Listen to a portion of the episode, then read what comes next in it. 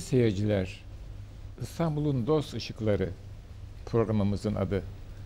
Bu programda tekrar sizlerle birlikte bu kez İstanbul'un başka bir muhitinden, başka bir semtinden, Galata'dan itibaren, Tophane'den itibaren Boğaz'ın Rumeli yakasından İstanbul'u seyretmeye çalışacağız.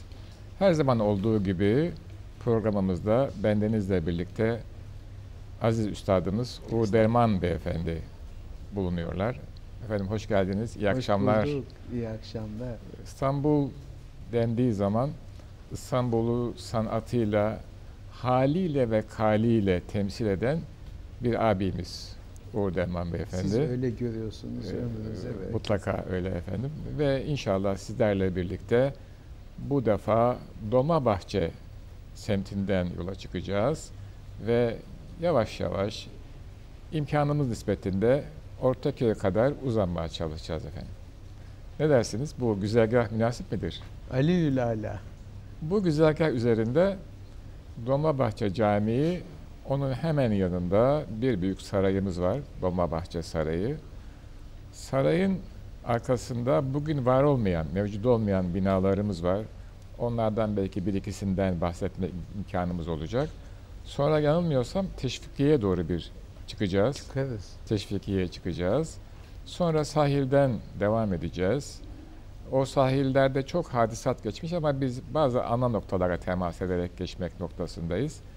Belki Çırağan Sarayı'ndan biraz bahsedeceğiz ve sonra Mecidiye camilerinden, Yıldız Parkı'nın girişindeki camiden ve Ortaköy'deki Mecidiye Camii'nden bahs ederek bu programı kapatmaya çalışacağız efendim.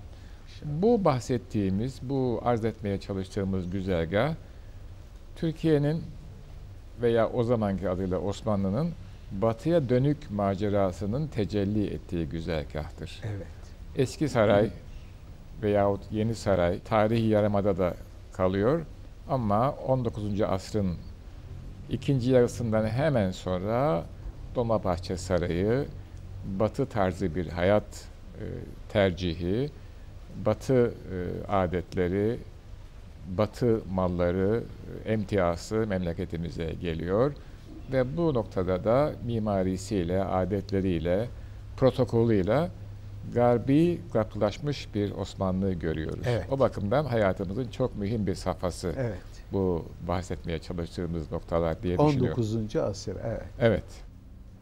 Sanayi devrimi olmuş. Batı ülkeleri, başta İngiltere olmak üzere yeni bir modele geçmişler, yaşayış tarzına geçmişler. İngiltere'yi Fransa takip etmiş. Sonra Almanya'ya gelmiş. Sonra kuzeye ve güneye inmiş sanayi devrimi. Avusturya Macaristan İmparatorluğu da sanayiden nasibini almış. Osmanlı da almaya uğraşıyor. Böyle bir dönemin İstanbul'undan bahsetmek istiyoruz. İmkanımız ve kudretimiz ölçüsünde. Ama isterseniz bu mevzulara girmeden önce her zaman olduğu gibi yine musiki ile bir fasıla verelim sohbetimize. Takdim eder misiniz e, bu akşamki e, memnuniyetle. musiki eserlerimizi? Efendim bu akşam Kürdili Hicazkar makamında eserlerimiz var. E, o da Garbi, Hacı Evet. Bey. Evet. 19. asrın Evet. yaygın makamı. Evet. Birincisi Supi Ziya Bey'in Ahmet Haşim'in güftesi üzerine kurduğu bir latif şarkı. Bir gamlı hazanın seherinde ısrara ne hacet yine bülbül bil kalbimizin bahçelerinde can verdi senin söylediğin gül. Savrulmada gül şimdi başka hevada, gün doğmada bir başka ziyada. Dinleyeceğiz efendim. Evet, dinliyoruz efendim.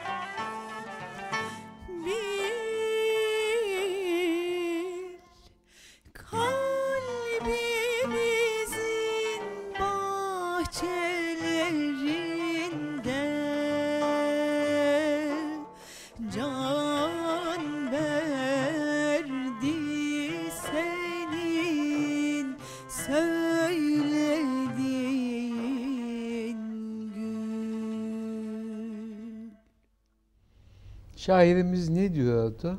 Savrulmada gül şimdi hevada, gün doğmada bir başka ziyada.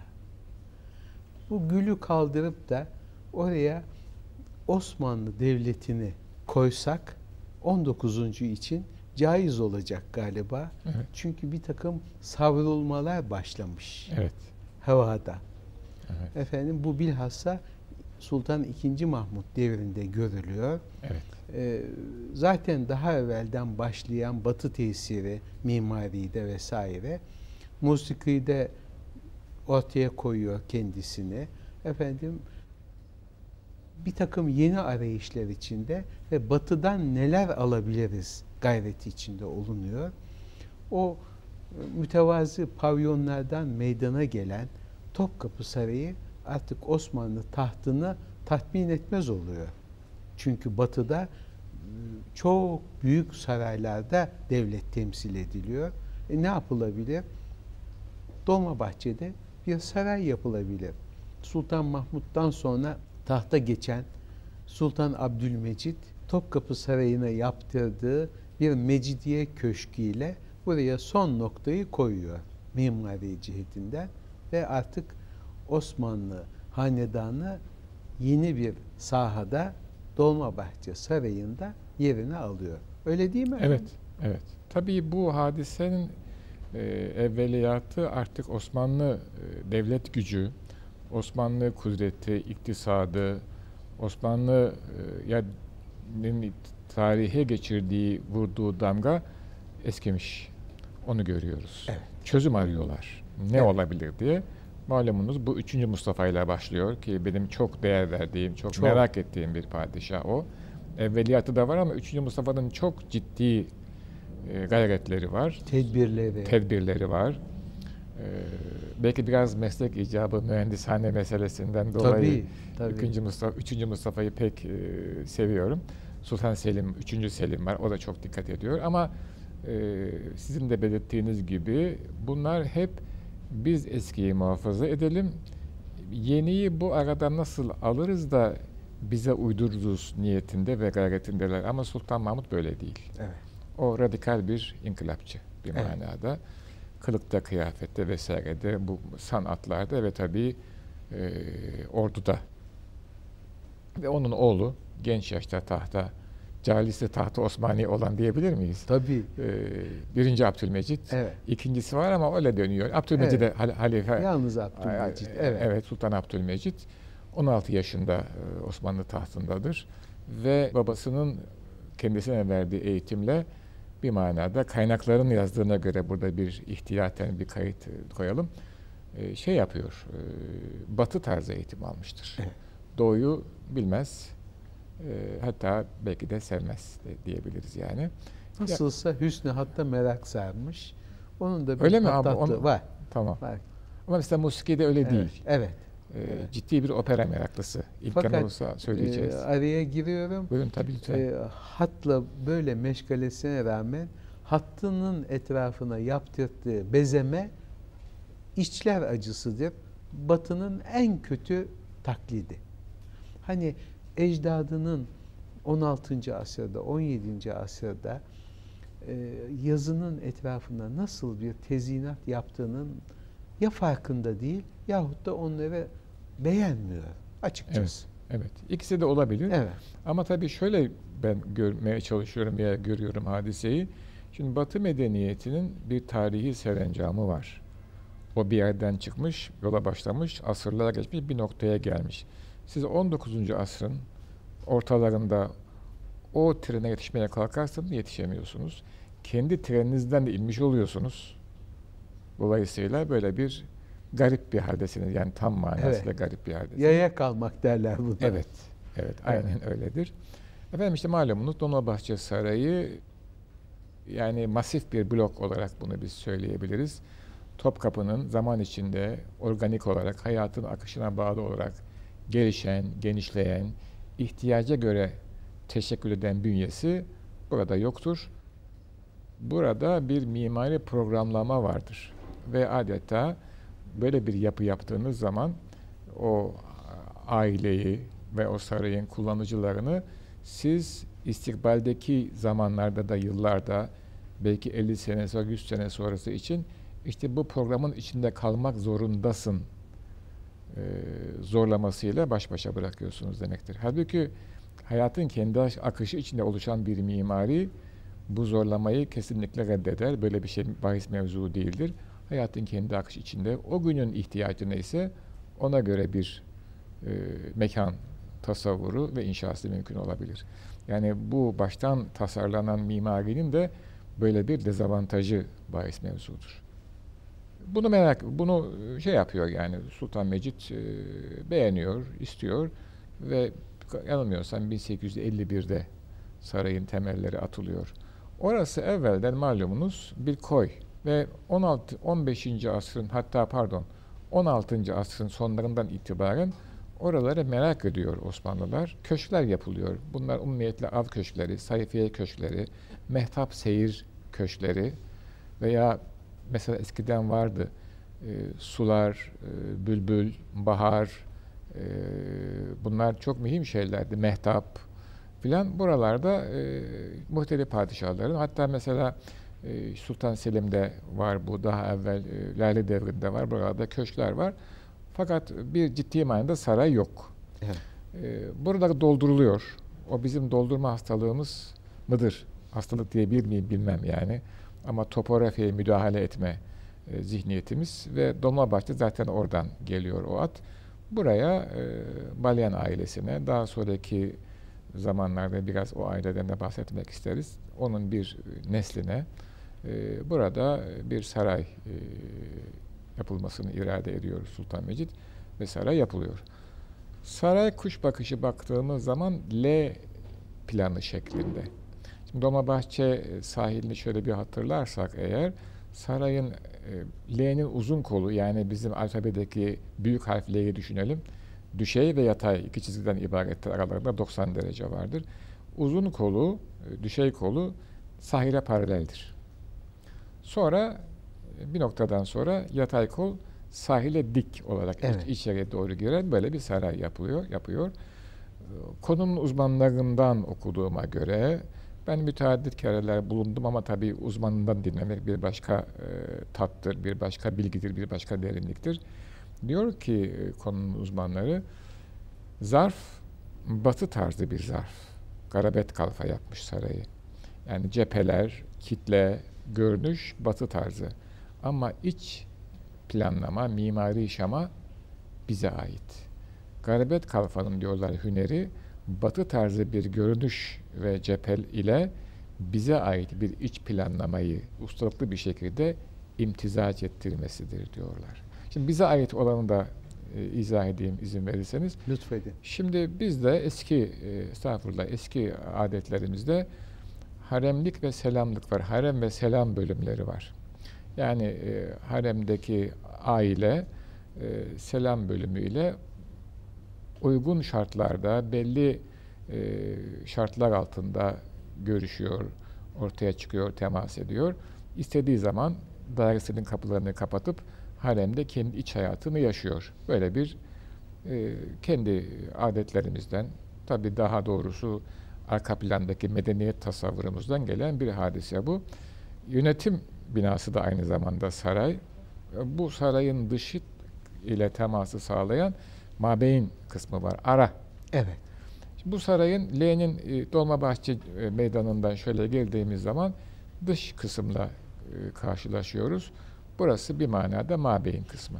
Burada işte devlet işleri görülüyor, padişaha arzlar oluyor. Mesela bu bölümde üst katta, iki, zaten saray iki katlı, altta da ciddi bir mahzeni var sarayın. Bendeniz o mahzende bazı tetkikatta bulundum. Çok mühim bir mahzen orası, bir bodrum katı var. Çünkü zemin dolgu ve rutubetli. Dolayısıyla yani e, sarayı yükseğe almış e, Garabet Kalfa. Çok büyük bir isabet var bu, bu kararda. Tabi manzarayı da daha rahat görebiliyor. Üst katta da bir süfera salonu var ki o da çok muhteşem bir salon. E, yabancı sefirleri, elçileri ağırladıkları Evet. salon. Sonra o bölüm, bir de orada bir kristal merdiven var. Bir mücevher gibi. Evet. Tabii o merdivenler e, e, malumunuz bütün Batı saraylarında, Batı'nın çok önem verdiği büyük monumental abidevi binalarında merdiven kovası ve merdivenler mimari vurgulu bir unsurdur. Yani orada bir ihtişamı gösterir mimar, aynı zamanda bir tekniği gösterir. Çünkü e, merdiven yapmak çok kolay bir şey değildir Evet. O merdivende bir ustalık bahis mevzudur.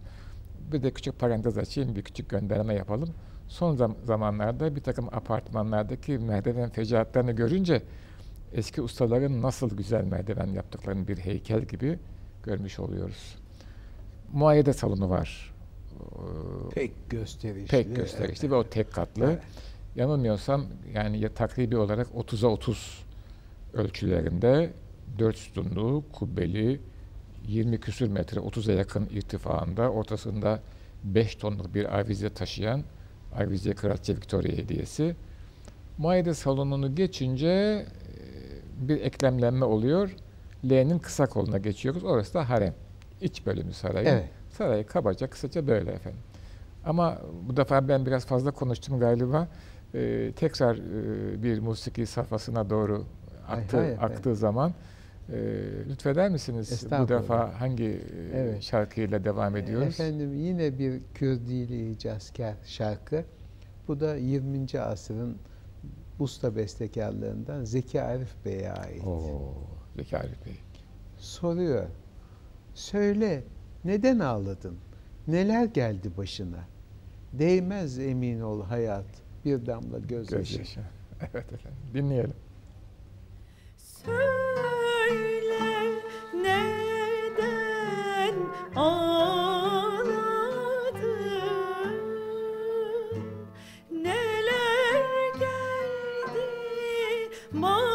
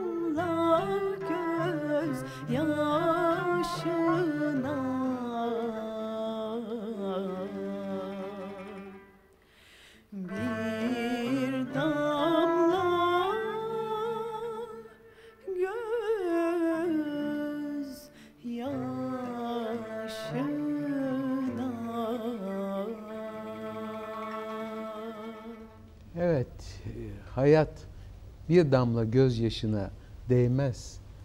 Bestekarımızın namelendirdiği gibi ama hakikatlerin de ortaya çıkması lazım. Siz demin e, anlatırken hatırıma geldi. Fakat artık e, hafızamın eski gücü kalmadığı için isim hatırlayamayacağım. İki yıl kadar evvel Dolmabahçe Sarayı'nda yapılan bir sempozyumda Erzurum Atatürk Üniversitesi Tarih Bölümünden bir genç arkadaşımız Dolmabahçe Sarayı'nın mimarının bir Türk olduğunu vesikalarıyla ispat etti. Ancak Kalfa taşeron olarak Balyan ailesi yapmıştır. Bu hükme varıldı. Ne yazık ki isim söyleyemiyorum. Evet böyle yani ben de onu başka kaynaklardan okudum. Tabii araştırılması kesin bir noktada bilgi olarak e, bize intikal etmesi lazım. Yani- Arşiv vesikalarından çıkarılmış bir yani bilgi. Belki daha yaygın hale gelmesi lazım. Olabilir. Şöyle düşünüyorum ben denizde. Şüphesiz Balyan ailesi mühim bir aile. Dört nesil e, saray e, hizmetinde bulunmuşlar. Ama bir müteahhit miydiler, bir mimar mıydılar, her ikisi miydiler? Bunun tekrar oturulup yani eski tabiriyle arizamik uzun uzun tartışılması, bir neticeye bağlanması gerekiyor. Ee, bazı rivayetlerde sizin de biraz evvel buyurduğunuz gibi yani saray müteahhidi idiler, taşeron işler yapıyorlardı. Arkalarında teknik e, bir kadro, başka birileri vardı şeklinde. Muhakkak. Belki her işte öyle değildi ama yani kesin bir hüküm saray mimariydiler, rakipsizdiler demek için de bana göre biraz erken gibi. Biz biraz erkenci oluruz böyle işlerde. Üzerinde düşünmemiz lazım. Evet. Bu onların değerini azaltmaz. Hizmet hizmettir her zaman için. Mühim bir faaliyette bulunmuşlardır ama herhalde belki Türk mimarlarının da Türk teknik adamlarının da hakkını burada yememek lazım diye düşünmekteyim. Evet Dolmabahçe Sarayı'ndan biraz daha bahsedeyim mi? Arzu eder misin? Yoksa Zaman bir- müsaitse buyurun. Ee, Şimdi şu- Saray çünkü çok vüsatı olan bir bina. evet. Ona göre zaman ayırırsak daha çok program sürdürmemiz lazım. Şöyle kısaca Evet. bahsedeyim. Yani esas itibariyle ana mekandan söz ettik. Onun bitişiğinde bugün artık Beşiktaş semtinde diyebileceğimiz bir veliaht dairesi var. O da başlı başına bir saray. Evet. Ve bu hem ana mekan, ana kitle L biçimindeki hem veliaht dairesi önünde deniz var ve arkada kalın yüksek bir duvarla e, emniyet ve mahremiyet Evet. açısından her ikisi de var. E, ayrılmış vaziyette şehirden. İki tane büyük kapısı var. Deniz tarafında da beş tane büyük kapısı var. Deniz tarafındaki en muhteşem kapı da tam muayede salonunun karşısına gelen kapı. Evet. Bu işi burada isterseniz e, nihayetlendirelim. Bir miktar sarayın arkasındaki tesislerden bahsetmek istiyorum. Şimdi Topkapı Sarayı'nda bunların hepsi Suri Sultani içindeydi. Pek tabii. Burada farklı. Burada Suri Sultani değil, Suri Dolmabahçe'nin arkasında şu anda stadyum var. Eskiden gazhane vardı. Yukarıya doğru Sivis Oteli yapıldı. Oralar hep sarayın bahçeleri. Stadyumun olduğu yerde Stabli Amire var. Evet. Yani bu hala e, Batı memleketlerinde geçerli. Mesela İngilizlerde hala var. E, Kraliçe mühim bir merasime katılacağı zaman kraliyet arabasıyla gidiyor. İşte mesela en son hatırlıyorum ana kraliçenin vefatında cenaze kraliyet arabasıyla bu otomobil değil bildiğimiz atlı arabayla armalarıyla özel kıyafetleriyle İstanbul Amire işte sarayda e, yani arabacılar desem bugünkü dille pek bir şey ifade etmiyor ama o bir at yetiştirmek, araba e, cinsleri, onların koşum takımları, gereken seyisleri, teknik kadrosuyla muhteşem bir teşkilat. Onun yerinde şu anda bir stadyum var. O Establı Amire'nin hatırladığım kadarıyla yıkış, yıkılışı 1937'de. Evet, o Efendim Üzerinde rahmetli üstadım Necmettin Okyay'dan işitmiştim. Üzerinde Keçecizade İzzet Molla'nın e, düşürdüğü bir tarih ama o uzun manzumede at ve atçılıkla ilgili bütün tabirleri kullanmış. Hattı Yesarizade. Esarizade. Fakat hani e, establı amire kaldırılıyor. Kaldırılsın. Kitabesi müziğe gider değil mi? Evet. Çatır çatır kırmışlar. Evet. Vallahi ben İstable Amir'inin kaldırılması noktasında da belki fantazi diyeceksiniz ama e, Viyana'daki yani imparatorluk atçılığını, onun salonunu gördükten sonra belki bir salon, bir anane, bir ihtişam bırakılmalıydı diye düşünüyorum. Evet. E, bu hala e, var yani. Çünkü Osmanlılarla Habsburglar aşağı yukarı aynı kaderi paylaşıyorlar. Neyse onu e, burada e, nihayetlendirelim. Benim çok dikkatimi çeken bir başka yapıda Dolmabahçe'den gümüş suyuna çıkarken o yol üzerinde var olduğu fotoğraflarından da anlaşılan, tarihinde sabit olan saray tiyatrosu. Evet. Sultan Mecit operayı pek seviyor. E, Ve daha şehzadeliğinde Naum tiyatrosuna gidiyor opera seyretmek için. Ama e, Sarayen'i yaptırınca arkadaki sırta da bir opera, bir tiyatro binası yaptırıyor. Bu binada büyük bir salon var. Yani bir takım resmi kabullerin verilebilmesi için aynı zamanda bir burası ciddi manada bir hususi e, tiyatro veya opera salonu. Hünkâri tiyatro. Evet, hünkâri, hünkâri bir tiyatro. E, Parter dediğimiz zeminde 300 kişi alıyor. Oraya yabancı sefirler, diplomatlar vesaire giriyor. E, hünkârın üst katta kendi locası var. Bir de harem locası var. Çok dikkatimi çekiyor. Yani operayı seviyor, beğeniyor, dinliyor. Nam tiyatrosu geliyor, yabancı artistler geliyorlar. Evet. Muhtelif operalardan parçalar e, icra ediliyor. Ciddi bir orkestra var. Hatta daha sonraki yıllarda burası yapıldıktan sonra e, Müzikay Hümayun burada konserler veriyor. Ama haremi e, halkın arasına dahil etmiyor. Hatta harem locasının önü kafesliymiş. Böyle yazıyor. Yani sanki bir tarafta gelenek duruyor, bir tarafta e, batı gelmiş vaziyette. Batılı olduk ama bu kadar da değildi di- diyor. Biraz öyle evet biraz öyle hissediyorum. Dolmabahçe macerasını isterseniz burada vurgulayalım. Bizi biraz teşvikiye götürür müsünüz? Hay hay. O da bir Sultan Mecid semti çünkü. Tabii. Tabii efendim bir de daha yukarıda Muzikayı Hümayun Evet, binaları var evet. ki sonradan Teknik Üniversitenin ilk binaları Evet, oldu orası. Efendim Teşvikiye e, Sultan Mecid'in e, kurduğu bir mahalle ve e, saraya merbut diyebiliriz. Çünkü oraya yapılan konaklar hep sarayla ilgisi olan kimselerin oturduğu, yüksek seviyede kimselerin oturduğu konaklar mevcut. Hatta bu mahallenin Sultan Mecid tarafından yapıldığını gösteren bir taş bugün Nişantaşı dediğimiz köşede hala durur. Zaten ismini de oradan da- Evet. Nişantaşı Evet. diye üstünde onun Sultan Mecid tarafından yaptırıldığını gösteren bir talik küçücük kitabı vardı. Evet.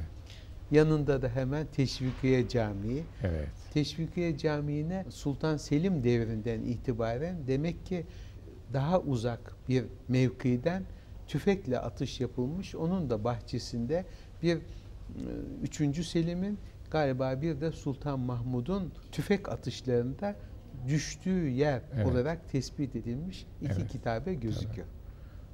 Zaten semtin adı da teşvikten Evet, geliyor değil mi? Yani evet. padişahın teşvikiyle buraya İle- yerleşilsin.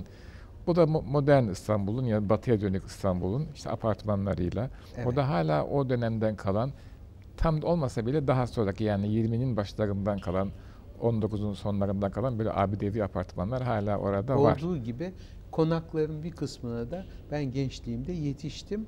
Artık onlar 50'li yıllarda gitmeye başladı. Gitmeye 50 ve başlamışlar. 60'tan sonra da hiç Evet. bir konak kaldığını Şu anda hatırlamıyorum. ben de hiç hatırlamıyorum. Ben bir ara oradan çok geçerden eve Evet. gidip gelirken ama hiç konak falan da artık kalmadı ama o apartmanlar hala benim hoşuma gider yani. Evet. Evet. bizi tam yansıtmasa da gene bir çizgi, bir renk, bir Birbirine koku. yaslanmış. Evet. Kagir, Kagir, tuğla, evet. büyük cepheli, ihtişamlı apartman. Ağır başlı. Ağır başlı evet. yani.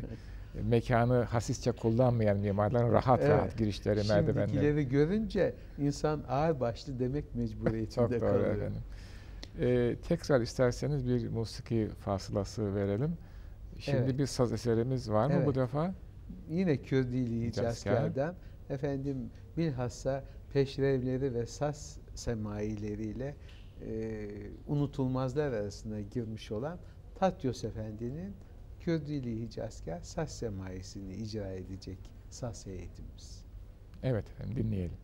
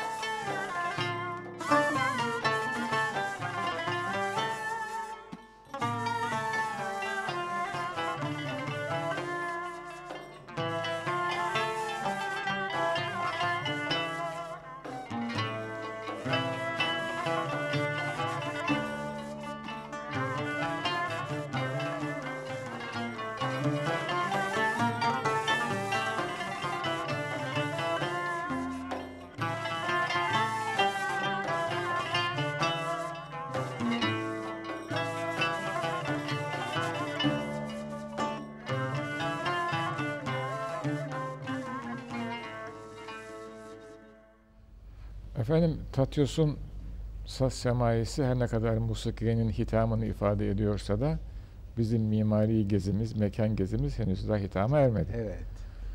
Saraydan bahsettik. Sarayın arkadaki müştemilatından bahsettik. Dolmabahçe Camii ile başlıyor maceramız. Onu konuşmadık. Orada bir saat kulemiz var. Onu Evet. konuşmadık. Ondan sonra işte Teşvikiye'ye doğru çıktık. Tekrar aşağı indik. Sonra yine o sahilden devam ettiğimizde Çırağan Sarayı'nı görüyoruz ki şu anda yerinde bir otel var. Hemen onun arkasında Yıldız Parkı'nın girişinde Küçük Mecidiye Camii var. Ve sonra yine aynı sahilde devam ettiğimiz zaman Feriye Sarayları, o çırağının onlarda müştemilatı olan burada iki ayrı yapı onlar.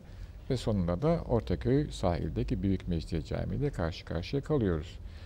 Şöyle baktığımız zaman e, bu sahile aşağı yukarı Dolmabahçe'den Ortaköy'e kadar yamaçlarıyla beraber Sultan Mecid eseri olarak görüyoruz buradaki büyük değişimi. evet. E, Sultan Mecid'i 1839-1861 arasında e, hüküm sürmüş bir padişah. Batıcı bir padişah. Devletin çok güçlü olduğu bir dönem değil. Hani insan acaba kenarda mı kalmıştır, çok ehemmiyetli değil midir diye düşünürken ama İstanbul'un veçesini değiştirmekteki büyük yatırımlarıyla bir anda bir başka boyutuyla hissediyoruz Sultan Mecid Han'ı. Tabii burada şöyle bir nokta da var. Yani ben o ikilemi biraz seziyor gibiyim. Henüz daha tam manasıyla e, bir vuzuha kavuşmadı zihnimde ve gönlümde ama hadise şöyle gelişmiş. 1838'de İngilizlerle bir ticaret anlaşması imzalıyoruz ki uzmanların söylediğine göre Osmanlı sanayi için ki o sanayi henüz daha makineleşmiş bir sanayi Değilken. değil. Evet. Değil. El iki- yapımı iken e, her yap- şey. yapımı iken kendine göre bir özgünlüğü varken ama çok e, nahif bir sanayi iken Batı'nın sanayi devrimine açılıyor. Sanayi devriminin ürünü olan mallara açılıyor. Bir de kapitalist batıya açılıyor. Serbest rekabete açılıyor. Zaten buradan Osmanlı el sanayi müthiş bir darbe yiyor. Yanılmıyorsam gümrük muafiyeti de var. Tabii birçok yani Evet. o teferruatı yani şöyle hatta hatırlıyorum. Mesela e, eyaletler veya sancaklar arasında yerli tüccarın bir sancakta bir sancağa mal götürmekteki vergisi yüzde on iki iken İngilizlerin yüzde üçe düşürülüyor Ya. bu. Peki yerli şeye tüccara niye böyle bir şey kondu? Deniyor ki pazarda mal kıtlığı çekilmesin. Yani bir manada burada mal daha pahalıdır deyip bir sancaktan bir sancağa mal nakletmesin. Orada o mal tüketilsin. Zaten yol şartları da çok müsait değil. Yani bir manada Osmanlı ekonomisinin de kendi içinde ciddi bir anlamı var. Bir işleyiş tarzı var. Ama o işleyiş tarzını kapitalist mantıkla çözmek mümkün değildi. Bu noktada e, Üstad Mehmet Genc'in çok vukufla yazdığı uzun senelerini alan Devlet ve Ekonomi kitabını tekrar e, şükranla, minnetle yad etmeden, etmeden geçemeyeceğim. Evet. Osmanlı mantığını, dayandığı medeniyet tasavvurunun ana ilkeleriyle beraber ekonomiye nasıl yansıdığını çok güzel ifade etmiştir o kitapta. Bu iki problem yani 1838 Ticaret ve Gümrük Anlaşması, 1854 e, Osmanlı-Rus Harbi ile yapılan istikrazlar Osmanlı ekonomisini ciddi bir sıkıntıya sokmuş iken e, bir yandan da e, Sultan Aziz'in Avrupa seyahati, Sultan Mecid'in Batı ile olan yakın teması e, Osmanlı itibarını nasıl koruyacağız? Çünkü muhteşem bir mazinin varislerisiniz. O maziye yakışır yaşamanız gerektiğini hissediyorsunuz. Omuzlarınızda bu bir yük, Bir arayış içinde. bir arayış içindesiniz. Ve yani bugün baktığımız zaman bu saraylar lüzumsuzdu denir. Bugünkü bakışa göre doğrudur. Acaba o gün ve o kültürün, o medeniyetin bir mensubu olarak ve temsil görevi omuzlarınızda ise nasıl bakarsınız hadiseye? Burada bir soru işareti koyuyorum. Evet. Çünkü ben cevabı bilmiyorum. Ama bunu hissediyorum. Evet. Yani siz e, bir muhteşem medeniyetin e, temsilcisisiniz, varisisiniz. Nasıl bir yaklaşım içinde olmalısınız? Tabii saraylar işte Dolmabahçe'de böyle yapılıyor. Hatta Kırım Harbi bitmiş. Hemen sarayı açmıyorlar. Bir sene bekletiyorlar. Yani bir aksül emel olmasın, Olmasın. diye halktan el- 1856'da açılıyor saray. Ee, ve tabii yani yabancı sefirler ağırlanıyor, ziyafetler veriliyor vesaire ol- oluyor. Ee, hatta Sultan Reşat malumunuz Sultan Aziz tahttan o sarayda indiriliyor. Abdülhamit orada oturmuyor. Evet. Dolmabahçe'de. Ama Sultan Reşat oturuyor. Bu e, 1916'da Avusturya İmparatoru Franz Josef uzun yaşayan e, öldükten sonra 86 yaşında onun genç oğlu Karl Avusturya tahtına geçiyor. En son yanılmıyorsam onu Sultan Reşat orada Dolmabahçe'de ağırlıyor.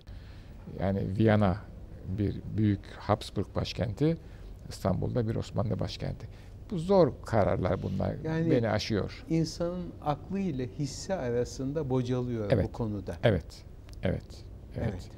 İşte böyle bir e, macera Osmanlı'nın saraylar macerası ama e, bu bir realite ki e, 38 karar e, bin- 1838 kararları Kırım Harbi ve saraylara yapılan yatırımlar Muharrem kararnamesini getiriyor.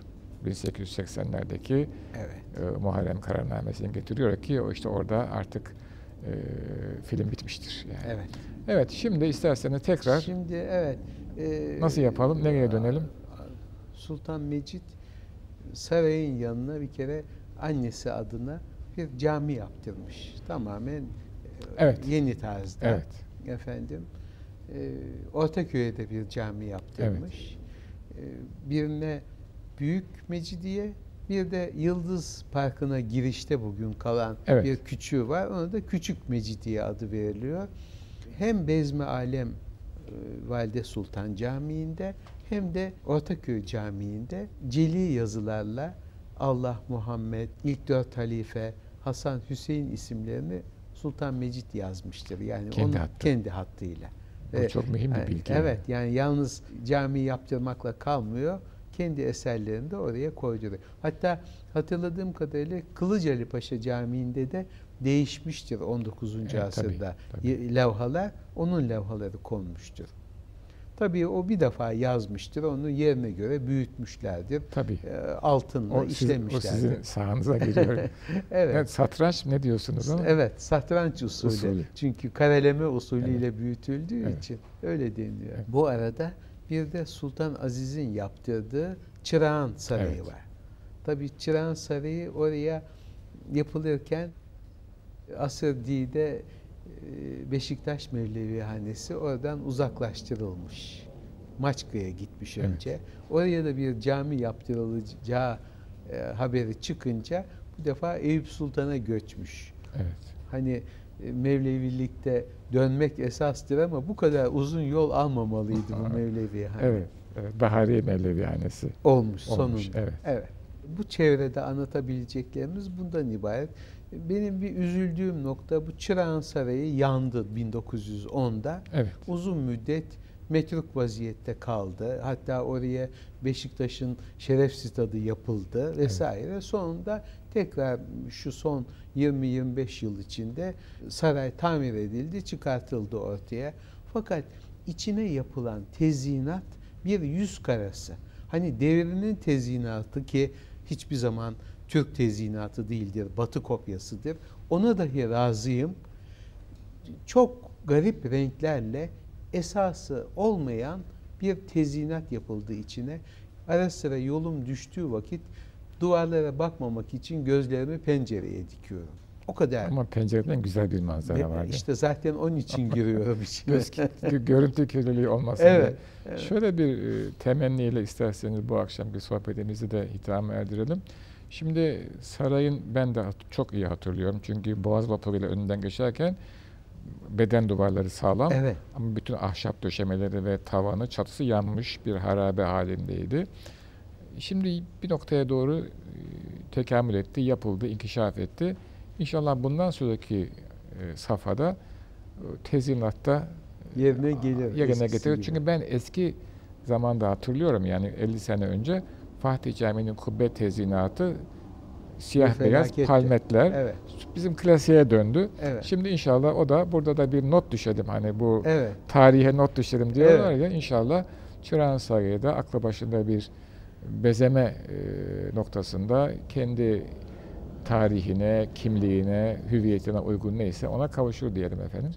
Zamanımız burada hitama erdi yine. E, saygıdeğer seyircilerimize hayırlı akşamlar dileyelim. Allah'a ısmarladık diyoruz efendim. Evet, Rumeli yakasında herhalde gezintilerimiz sona eriyor.